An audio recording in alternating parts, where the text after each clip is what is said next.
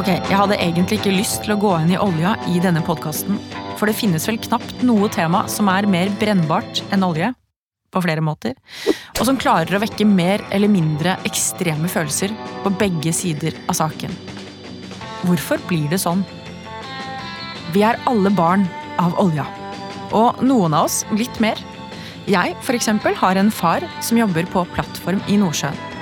Er han da bad guy, eller er han egentlig good guy? Nå skal du få møte Einar Lie. Han er professor i historie og økonomi, og er en som jeg håper kan gjøre meg litt klokere på oljas betydning for Norge og vår evne til å endre oss. Einar, det ser ut som vi her i Norge ikke kan sitte stille i båten, vi må omstille oss. Hvor er det vi egentlig skal hen? Vi skal over i en situasjon hvor man slipper ut mye mindre klimaskadelige gasser, særlig CO2, og som betyr at man må bruke veldig mye mindre av det.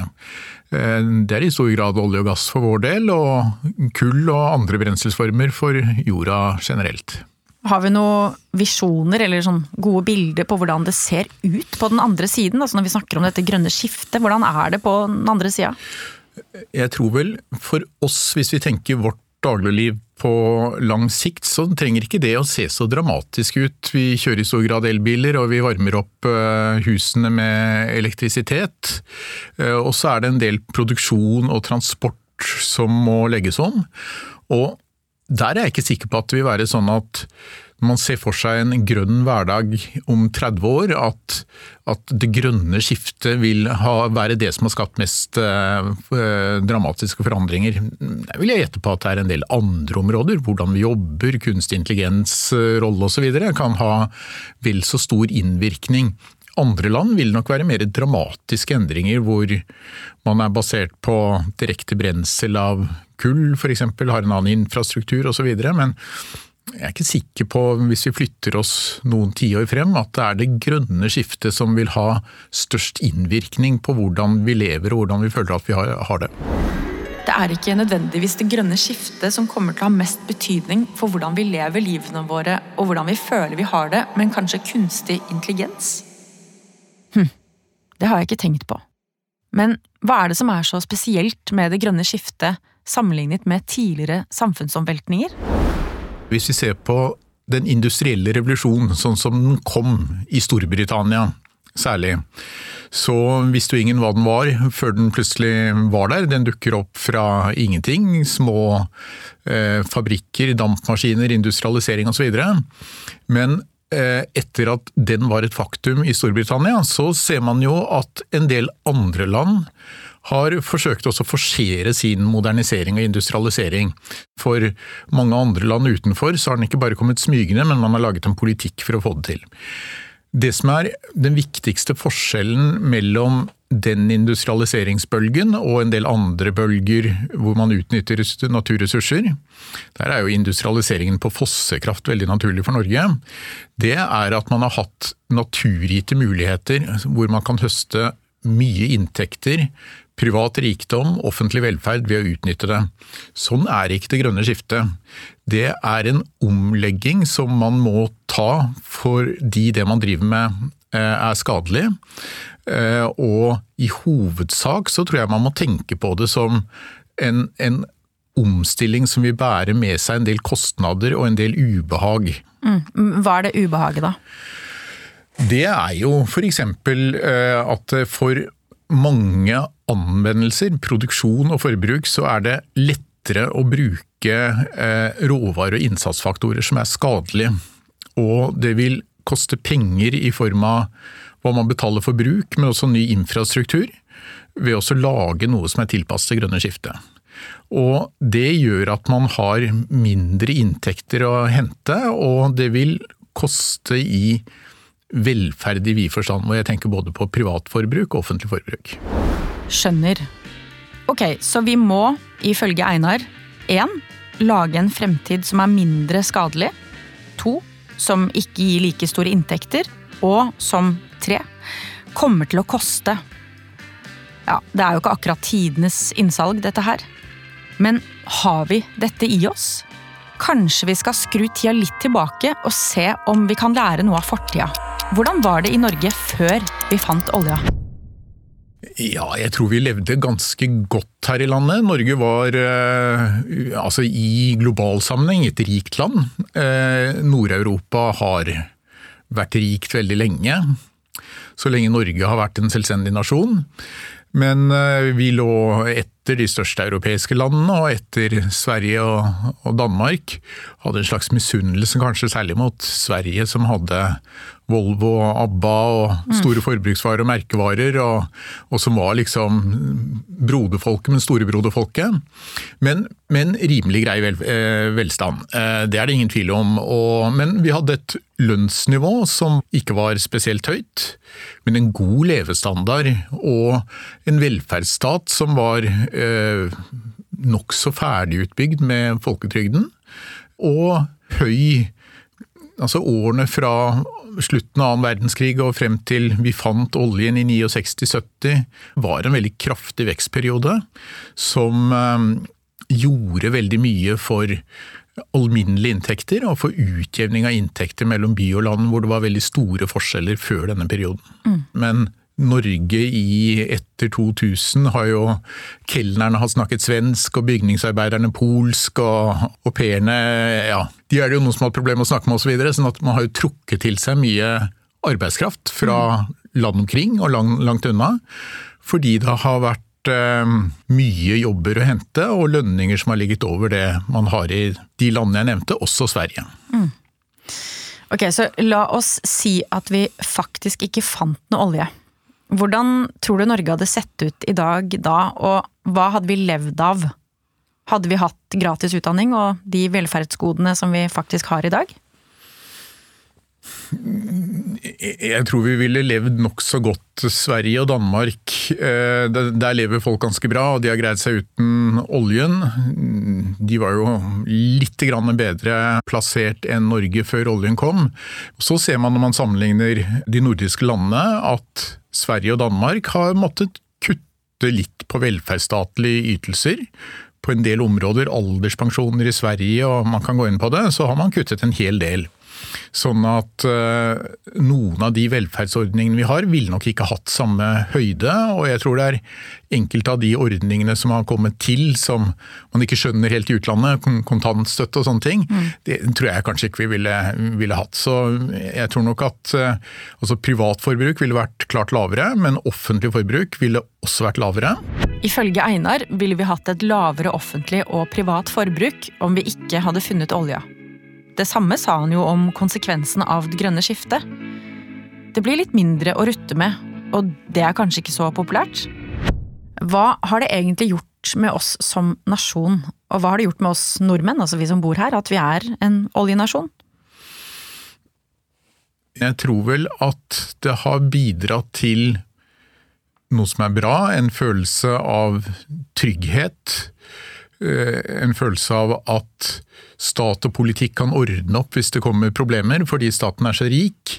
Og en litt sånn følelse av usårbarhet. Mm. Og som har en god side, men jeg tror nok kanskje også at det har en eh, negativ side når vi kommer f.eks. til det grønne skiftet. At det å måtte ta omstillinger som kan være ubehagelige, mm. og ta kostnaden ved det, at det er det ikke så lett å nå frem med, og det er ikke så lett å få til. Vi er veldig godt vant, mm. og vi er vant til å ha det godt, og tenker at vi skal ha det godt. Og vender oss mot noen, og som regel er det politikken, hvis vi føler at det er noe som mangler, eller eh, ja, noe som skulle vært kompensert.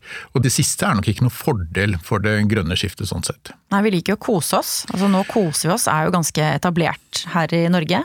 Det er ganske godt etablert, og at vi ikke sliter oss ut. Og det er en helt naturlig del av det å bli rik, tenker jeg. Det er litt sånn mye vil ha mer òg?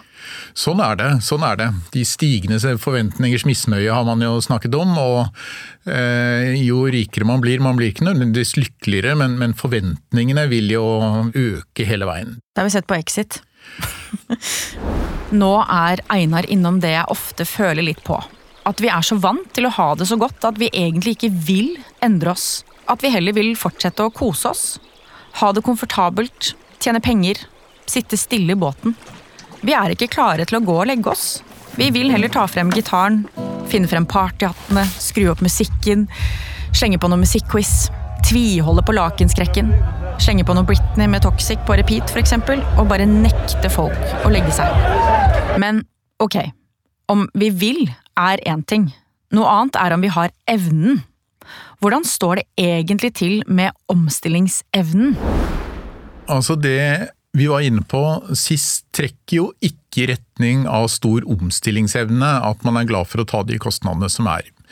Eh, så vil jeg jo likevel si at hvis man går til kjernen av det jeg har drevet med, som er eh, norsk økonomisk historie, så syns jeg nok at det norske samfunn og norsk næringsliv har vist en veldig stor omstillingsevne. Hvis man ser på gamle hovednæringer på eksportområdet.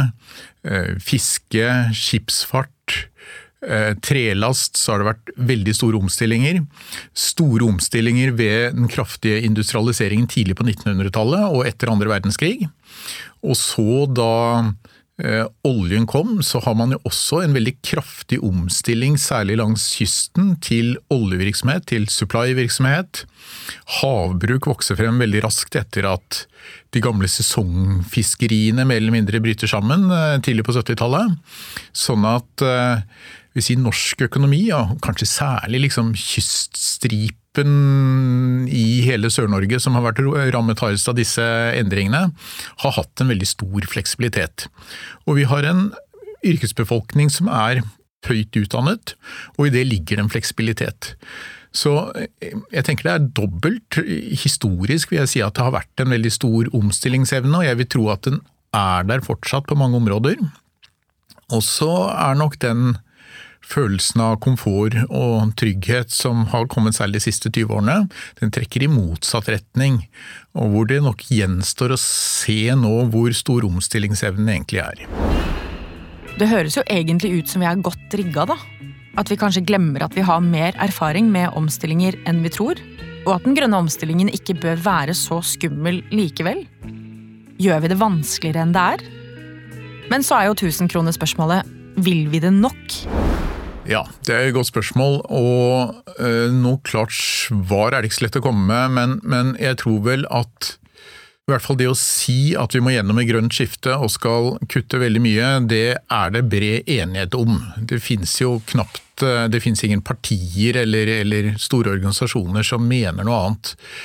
Når det kommer til stykket, og man ser på saker som faktisk bærer med seg kostnader, så er det litt annerledes. Jeg vil si at politikken så er det jo sånn at vi har hatt klima- og kuttmål siden 1990, og vi har aldri nådd dem. Mm. Vi har nye mål nå til 2030, og jeg tror det er riktig å si at vi er ikke på vei mot de målene. Eh, og det har ikke ført til at målene blir liksom senket mot der man er, men de har egentlig vært skrudd mer til. Og Der er det problemet realismen i selve politikken. Men det tror jeg er forankret egentlig i hvordan alminnelige mennesker ser på dette. Man mener nok det samme som det man finner i den politiske debatt, at vi må ta det grønne skiftet.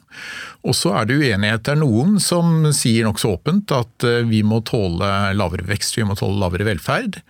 Og så er det nok andre når det kommer til stykket, og man får høyere drivstoffavgifter, man får høyere energipriser, bompenger, kostnader ved bedre isolerte hus osv., så, videre, så kommer protestene, og det er protester som gjør at virkemidler og politikk ikke blir tøffe nok, eller justeres litt av det.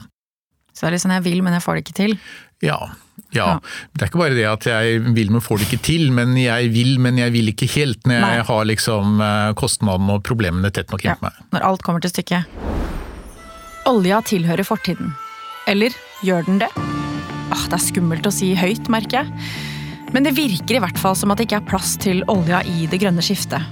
Men hvordan skal vi da kunne opprettholde velferden vår, altså levestandarden vår? Vi må finne på noe nytt her. Et nytt eventyr. Vi har vært oljenasjonen, nå skal vi bli en ny nasjon. Vi må finne den nye olja. Det er ingen ny olje. Jeg tror det er viktig å si det, og for meg er det et viktig poeng. Noen ganger så vil man selge inn det grønne skiftet som noe som er innovativt, produktivt og gir store inntekter og muligheter. Eh, og det vil de gjøre for noen, og sånn er det allerede i dag. Det er noen som tjener mye på det grønne skiftet, og grønne aksjer har gått godt i perioder osv. Men som samfunn så får vi ikke den oljen igjen. Fossekraften først, og så oljen, har i to trinn gjort Norge enormt mye rikere. Fossekraften nyter vi jo virkelig stor glede av fortsatt. Og det har virkelig vært to store bølger som har drevet norsk velferd fremover. Og vi får ikke de igjen. Nå er det hardt arbeid, innovasjonskraft, eh, smarte løsninger og en del oppofrelser som må til. Men jeg tror det er viktig at vi må ha en sånn voksen festbrems som sier at det er ikke noe ny olje. Så må vi bare innfinne oss med det, og så må vi gjøre det beste ut av det. Ja, takk for, det. takk for det. I og med at jeg mm, stadig har tatt med rollen med å være ja. en festbrems. Og det kommer til å gå bra med oss. Mm. ikke sant? Det er, Norge er et rikt land. Eh, veldig rikt. Eh, penger på bok overalt. Høy velferd. Eh, ganske stor fleksibilitet osv. Så, videre. så vi er godt posisjonert til å greie det. Men vi skal ikke tro liksom at det er en ny sånn uh, twistpose som vi mm. kan åpne og, og, hygge oss med. Det, det er noe annet. Og det, det minner ikke om virkningen av oljen. Ok, så uh, vi vet jo nå at mange land klarer seg jo veldig fint uten oljeproduksjon. Klarer vi oss uten? Altså, det er to ting i oljevirksomheten på norsk økonomi. Det ene er jo at det gir veldig mye aktivitet, investeringer, eh, store utbyggingsprosjekter og sånn for industri og leverandører på land. Hadde man stoppet liksom oljevirksomheten, så er det veldig mye virksomhet som ikke hadde hatt noe å gjøre. Og økonomien utenom oljen er ikke kraftig nok til å holde oppe sysselsetting og, aktivitet. Så det er en omstilling som må gå over tid.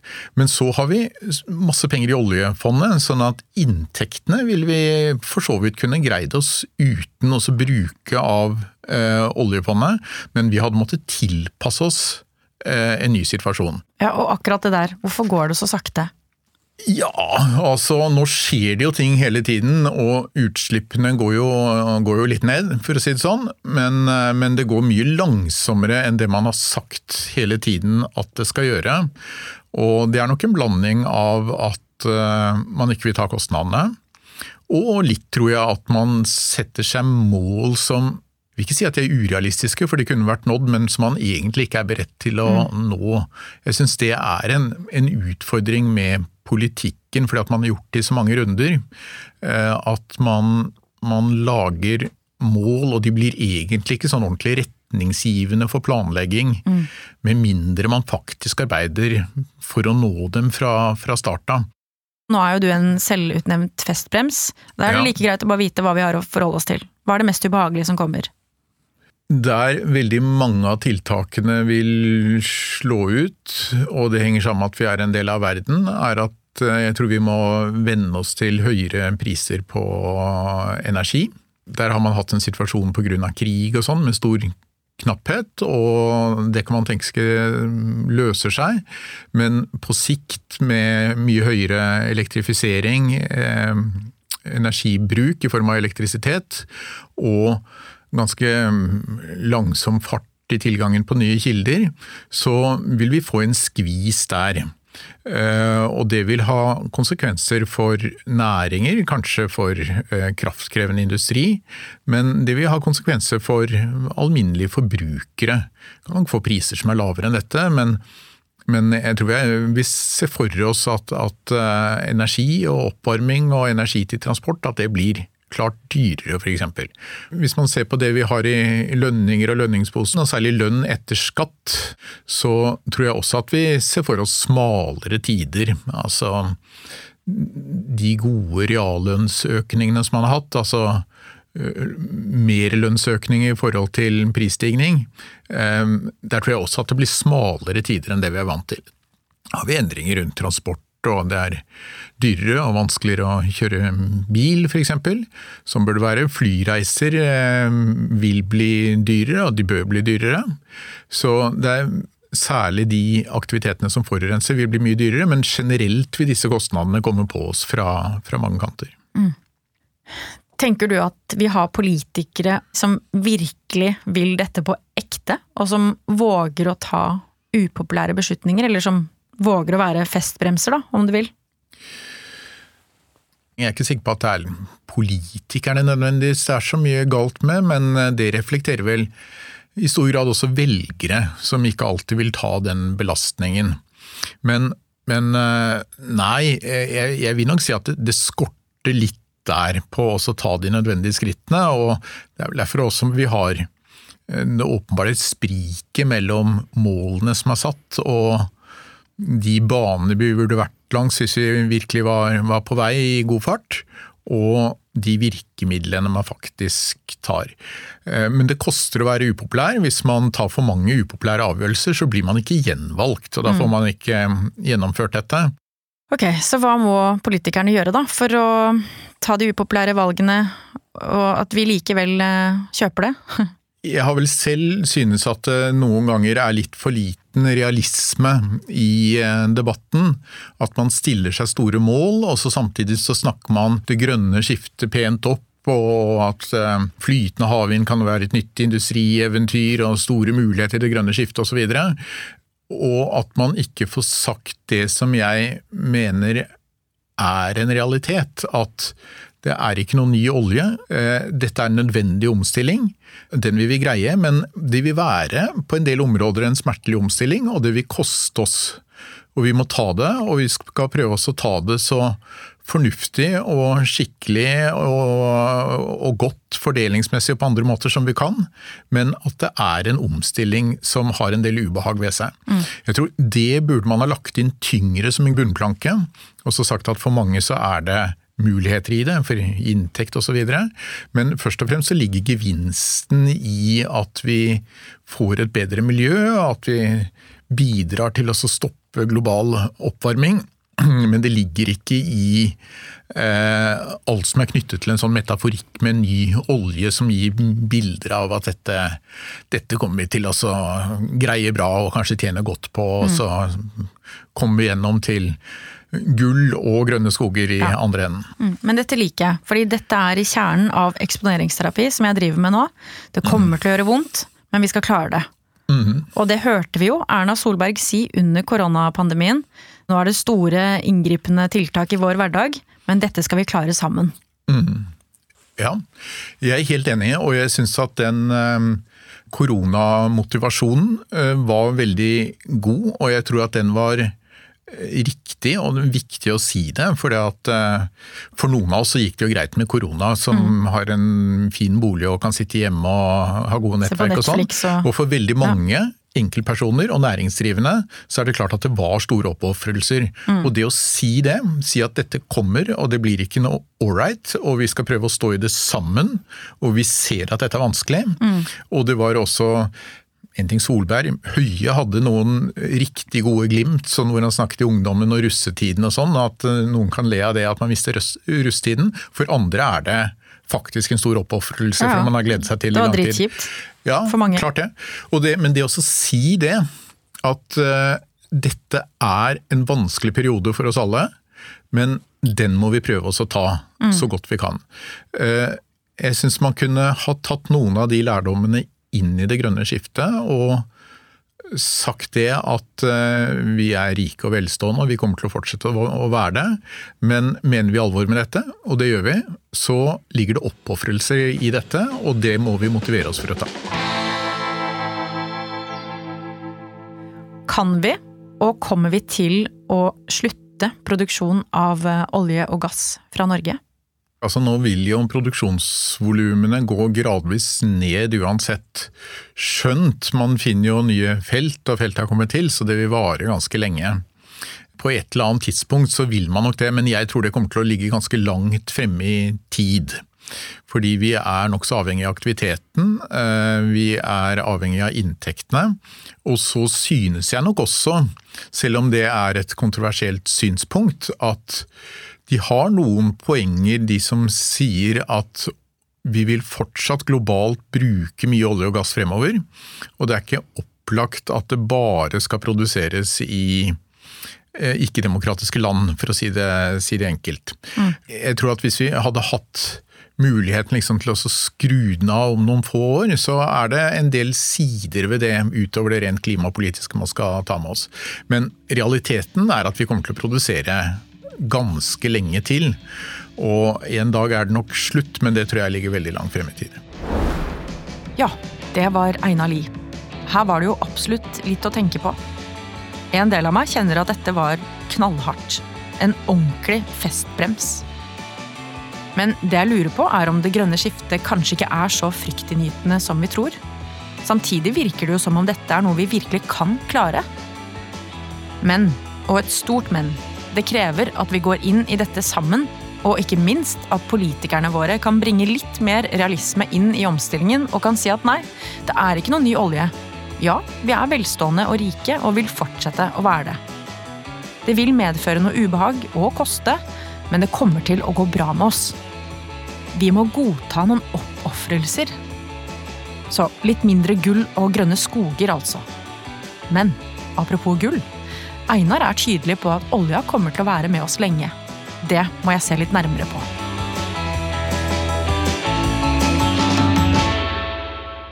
Hvordan ser oljenæringa på den grønne omstillinga?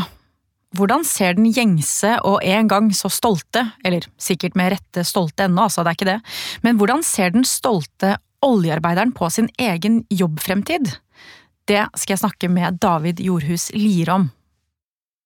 Sammen med en liten forskergruppe har David tilbrakt tid med oljearbeidere fra Norge, Nigeria, Canada og USA for å prøve å forstå klimapolitikken og hvordan klimakrisen oppleves fra innsiden av bransjen som forårsaker de største utslippene. Og de som sitter med makta, hvordan ser de for seg fremtiden? Det er jeg nysgjerrig på. Hva sier de som eh, jobber i næringa? Nei, de har eh, veldig sterke følelser og sterke meninger om disse spørsmålene. Og de, jeg vil jo si at de til dels kan veldig mye om dette her òg. For en østlending som sitter på et akademikerkontor, så må man på en måte forberede seg godt. da. Fordi mm. at det her er jo folk som kjenner veldig godt sin egen bransje, og mange av dem er også veldig opptatt av klimaspørsmål og miljøproblemer osv. Så, videre. så de har sterke meninger. Og noen av de meningene, i hvert fall da vi møtte dem til å begynne med, da det var 2018-2019, så var de ofte retta mot miljøaktivister. Og de var litt sinte eller eh, ja, frustrerte. Og det var, en, det var en tid hvor klimadebatten tror jeg var spesielt anstrengt. Og alle som er veldig opptatt av klimasaken, og som mener at det er den viktigste politiske saken vi har, de føler at mye står på spill. Framtida står på spill. Og så de som da ofte settes på den andre siden, de føler også at veldig mye står på spill, og at det er eh, det som står på spill, er veldig direkte. Det handler om egen framtid, livsgrunnlaget, eh, inntekten, ikke bare til seg sjøl, men sant, familien, og, mm. og, som kanskje bor i lokalsamfunn som er ganske tett knytta til oljenæringen. Ikke bare sånn har noen som flyr ut til eh, plattformen og jobber der, men som jobber i leverandørindustrien, som ansetter mange mange titusener av mennesker i Norge. Ofte når vi snakker med folk om hvem er oljearbeideren, så sier man oljearbeideren er de som eh, mister jobben når olja blir borte. Og da inkluderer det taxisjåføren på Stord, og det inkluderer veldig mye av lokalsamfunnene. da. Så ja, jeg tror de føler at det står mye på spill, og da blir frontene steile. Men så tror jeg det er en annen side ved det òg. Og det handler om at en polarisert debatt er ganske god TV, eller det er godt materiale for media. Og det egner seg på en podkast, det egner seg i et debattstudio. Sosiale medier er drevet av engasjement, og det er jo sterkt engasjement i klimadebatten. Så det er noen sånne selvforsterkende mekanismer som gjør at det ikke bare handler om hva saken dreier seg om, men det også handler om historiefortelling. Og det er jo en del politikere som veit at dette er det krutt i. Her kan man gjøre noe på, her kan man gjøre det godt på meningsmålingene, hvis man greier å liksom, få en kontakt med folkedypet da, på en eller annen mm. måte. Mm. Enten det er i enten det er klimabrøl eller oljebrøl, eller hva man på en måte prøver å eh, innynde seg hos. Så det er, det er, mye i tillegg til den faktiske uenigheten som gjør at uh, debatten er polarisert. Hva er det eh, klimaforkjempere og oljearbeidere har til felles? Jeg føler at eh, de har avmakten til felles. Eh, på den måten at begge føler at eh, de ikke har den type innflytelse over politikkutviklingen som de skulle ønske. Og Det har jo kanskje også litt med polariseringen. At idet debatten blir veldig steil, så mister man innflytelse, og da sitter man med den avmaktsfølelsen. da.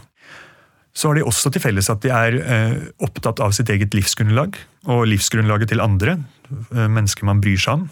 Så er, Mange av de oljearbeiderne vi har snakka med, har vært veldig opptatt av sine egne barns eller barnebarns fremtid. Og det er jo det som skolestreikerne også snakker mye om. Oljearbeidere og miljøaktivister har jo faktisk litt til felles. De opplever begge at mye står på spill. De opplever avmakt og er opptatt av fremtiden til sine barn og barnebarn. Men finnes det et reelt klimaengasjement blant oljearbeiderne og i næringa, sånn i hverdagen? Ja, Det tror jeg det gjør. Vi har jo snakka med mange som har bakgrunn i miljøbevegelsen. Eh, det, det er kanskje viktig å, å, få med at vi har snakka først og fremst med tillitsvalgte. Så det er ganske engasjerte folk til å begynne med. Så de har jo ofte et brennende engasjement også for miljøspørsmål. Så det kan jo høres litt rart ut, men eh, de menneskene tror jeg det er veldig mange av også i oljebransjen. Og folk som er opptatt av å gjøre riktige valg på hjemmefronten. ikke sant? Resirkulere eller ta, mm. være bevisste forbrukere. Eller være bevisste i hvordan uh, arbeid gjøres, i forhold til at det er et miljøansvar på jobb også. Jeg tror du de har vegetarmat i kantina på plattformene? De snakker om det. Ja. Mm, kjøttfrie dager og ja. kortreist mat i kantina. og og ikke bare det, men også eh, Jeg tror de er ganske, på en måte ganske stolte av alt det eh, som gjøres i oljebransjen av miljøtiltak. Det er jo masse avfallsvann som ikke går rett ut i Nordsjøen. Det er sirkulære systemer på eh, plattformene. Utslippsreduksjoner i prosessene osv. Men så føler de samtidig at det, det de gjør, da, som kanskje en et universitet hadde vært kjempestolt av, eller et grafisk designbyrå hadde på en måte skrytt av på Facebook. Det kan ikke de skryte av, fordi at uansett så produserer de jo petroleum. Mm -hmm. Og petroleum det skaper store utslipp ja. når det forbrennes. Så de sitter liksom litt igjen med svarteper, selv om de selv mener at det foregår veldig mye miljøtiltak i bransjen. Så det er altså miljøengasjement å finne i oljenæringa. Hm. Det er jo fint, det. Samtidig må det jo være veldig vanskelig. Hvordan forholder man seg til det? Fordi de skal lete etter mer olje samtidig som de skal kutte utslipp? Det er jo en av de posisjonene som er litt paradoksale. Og det er klart at uh, der finnes det noen motsetninger som det er litt vanskelig å snakke om. Fordi vi har allerede funnet mer enn nok olje og gass. Men uh, Så det som jeg både hører de vi snakker med si, og det jeg også nå hører politikere og bransjen si på radioen, det er jo at vi står i to kriser. Vi har en klimakrise, og så har vi en energikrise. Mm. Og jeg tror Det andre argumentet det har øh, blitt brukt i oljebransjen lenge, men det har vært mye lettere å si på, øh, i debatten etter krigen i Ukraina brøt ut og Russland strupa gassleveransene. Plutselig så er det jo en reell energikrise i Europa, og vi har vel kanskje det som kan kalles en energipriskrise i Norge. da. Så det å, eh, det å levere nok energi til en verden som ikke har nok energi, det har blitt eh, svaret på hvorfor vi må fortsette å lete. Men det er jo ikke et godt svar på hvordan vi skal kutte utslippene, og hvordan vi skal komme i mål med klimaforpliktelsene våre, f.eks.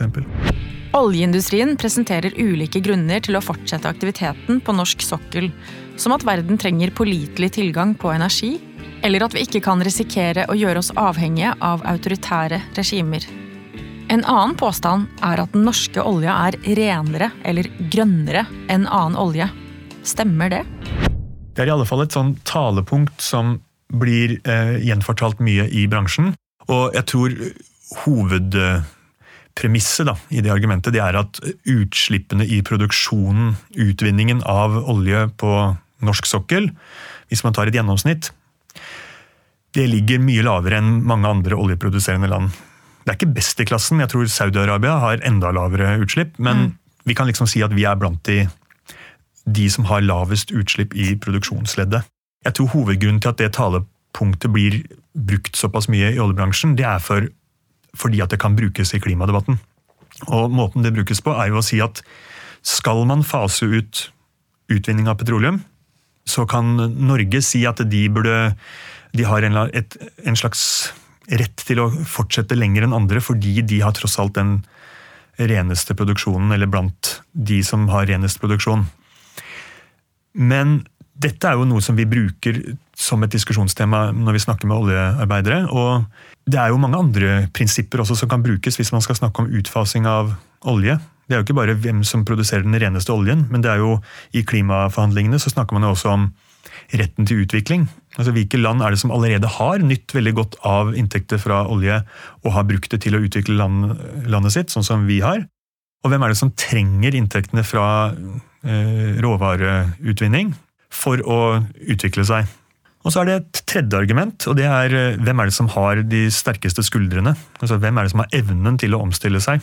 Hvem er det som har den beste velferdsstaten og det beste trepartssamarbeidet osv. Så, videre. så både når det gjelder dette med retten til utvikling og evnen til omstilling, så er vel det begge argumenter for at Norge burde heller skynde seg og, og fase ut tidligere, eh, og la andre land eh, fortsette produksjonen. Ja, hvorfor skal ikke de få samme muligheten som det vi har fått?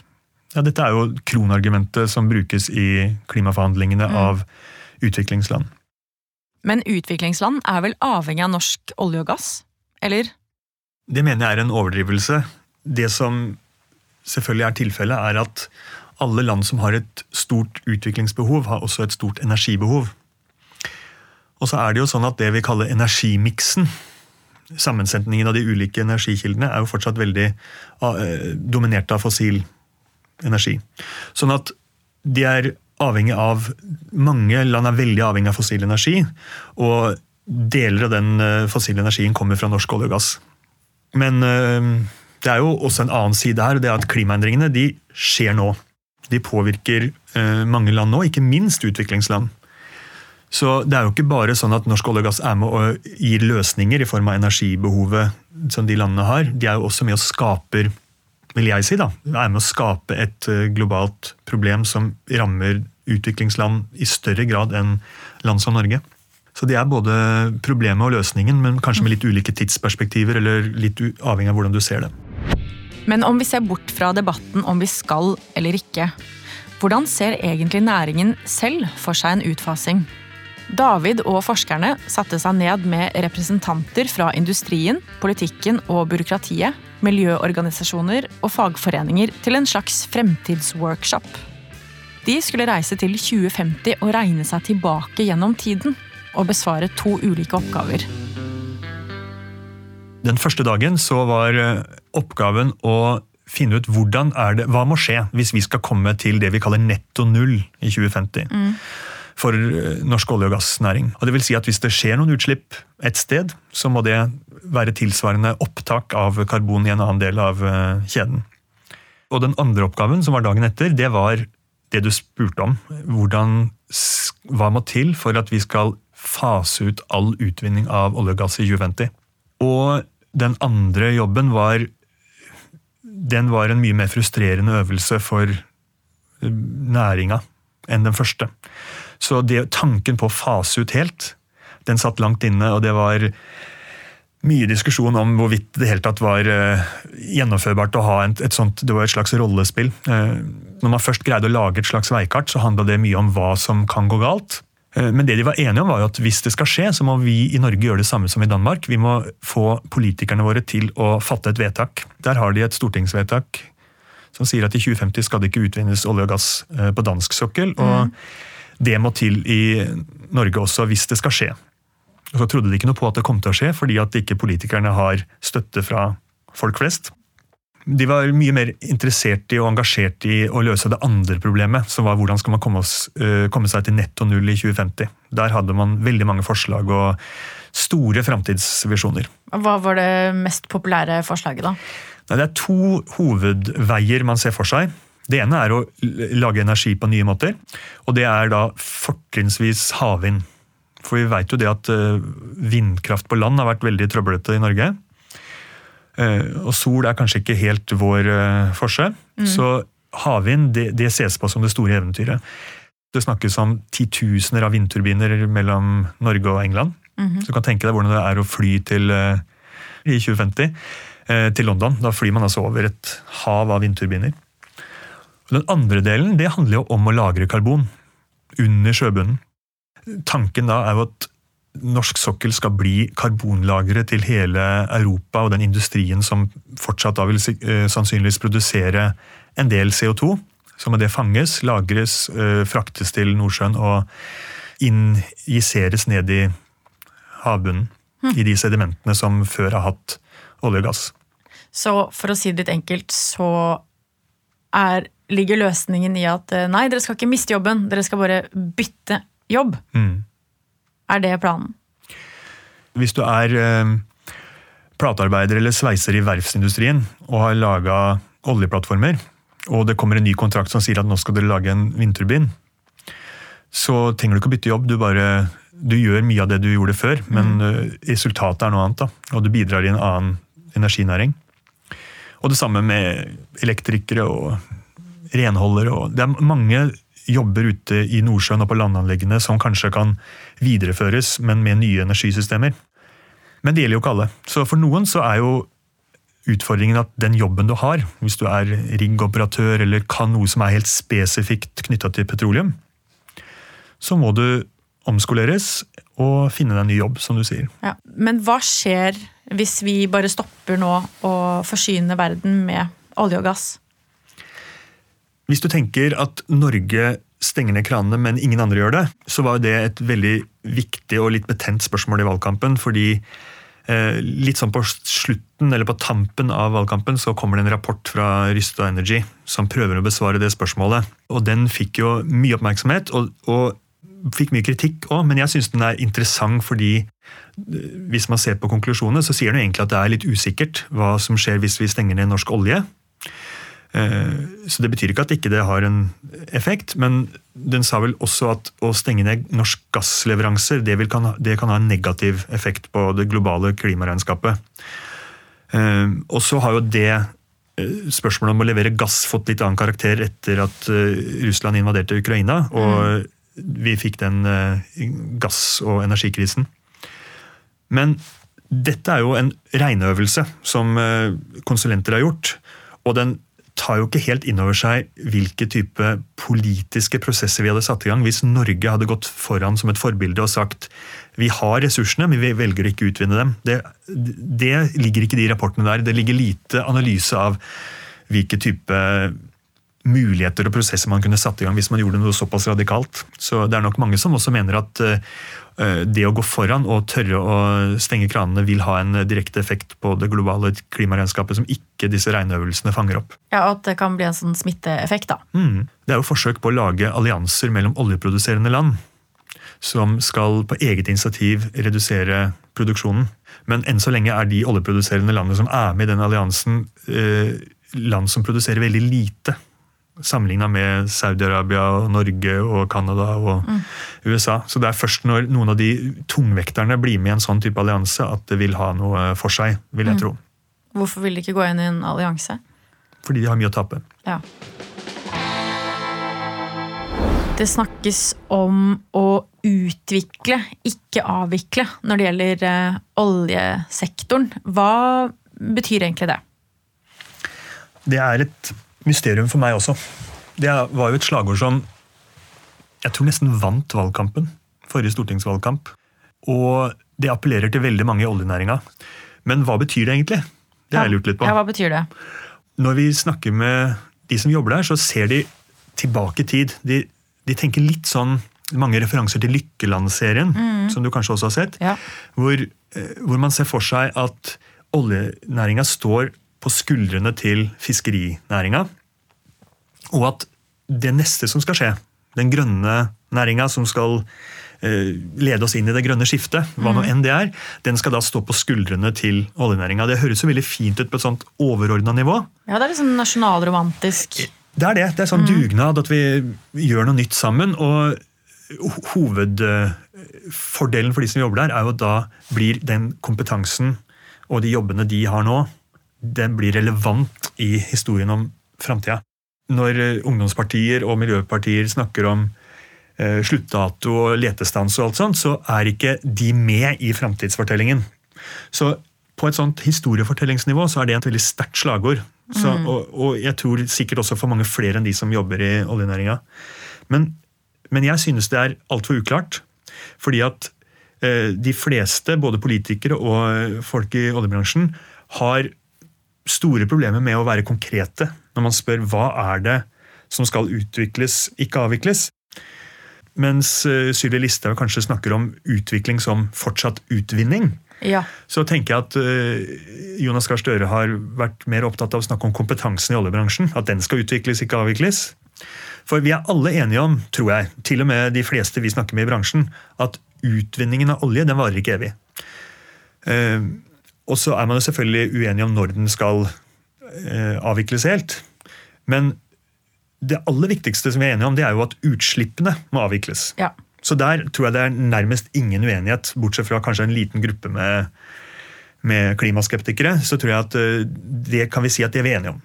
Hvorvidt utvinningen av olje og gass må avvikles, der er det litt mer uenighet. Og der er det ikke minst uenighet om tidsperspektivet. For de fleste oljearbeiderne vi snakker med, sier at når markedet sier at ikke de vil ha olje og gass, så kommer eh, utvinningen til å stoppe av seg selv.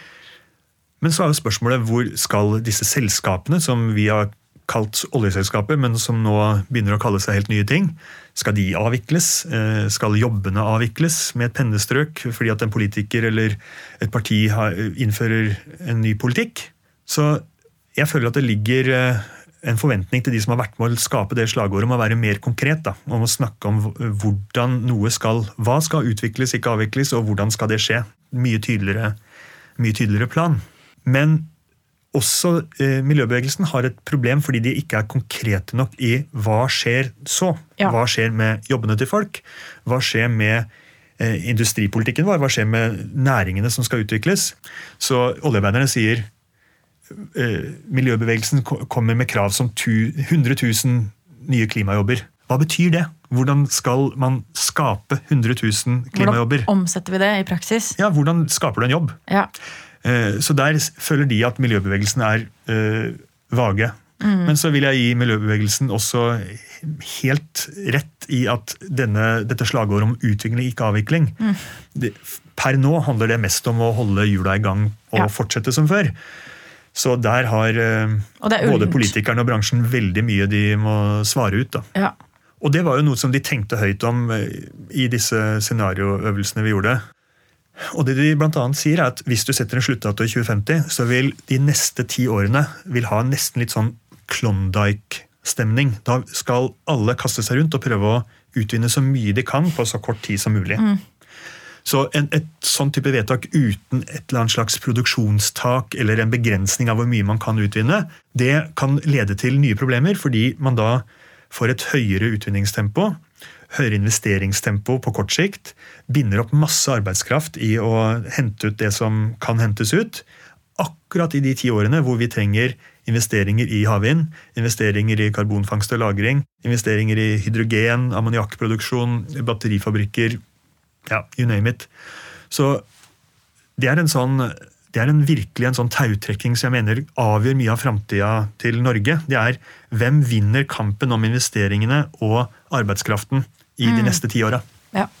Og det gjør jo at f.eks. denne oljeskattepakka som kom under koronapandemien, som også Erna Solberg sa var i ettertid da, sa var, ble litt for raus, den er jo med å forlenge eh, og binde opp eh, investeringer og kapital i olje- og gassproduksjon i den perioden hvor i hvert fall den nåværende regjeringen sier at de har masse vyer og visjoner om å bygge opp en grønn næring. Mm. Så der er det et ekte dilemma.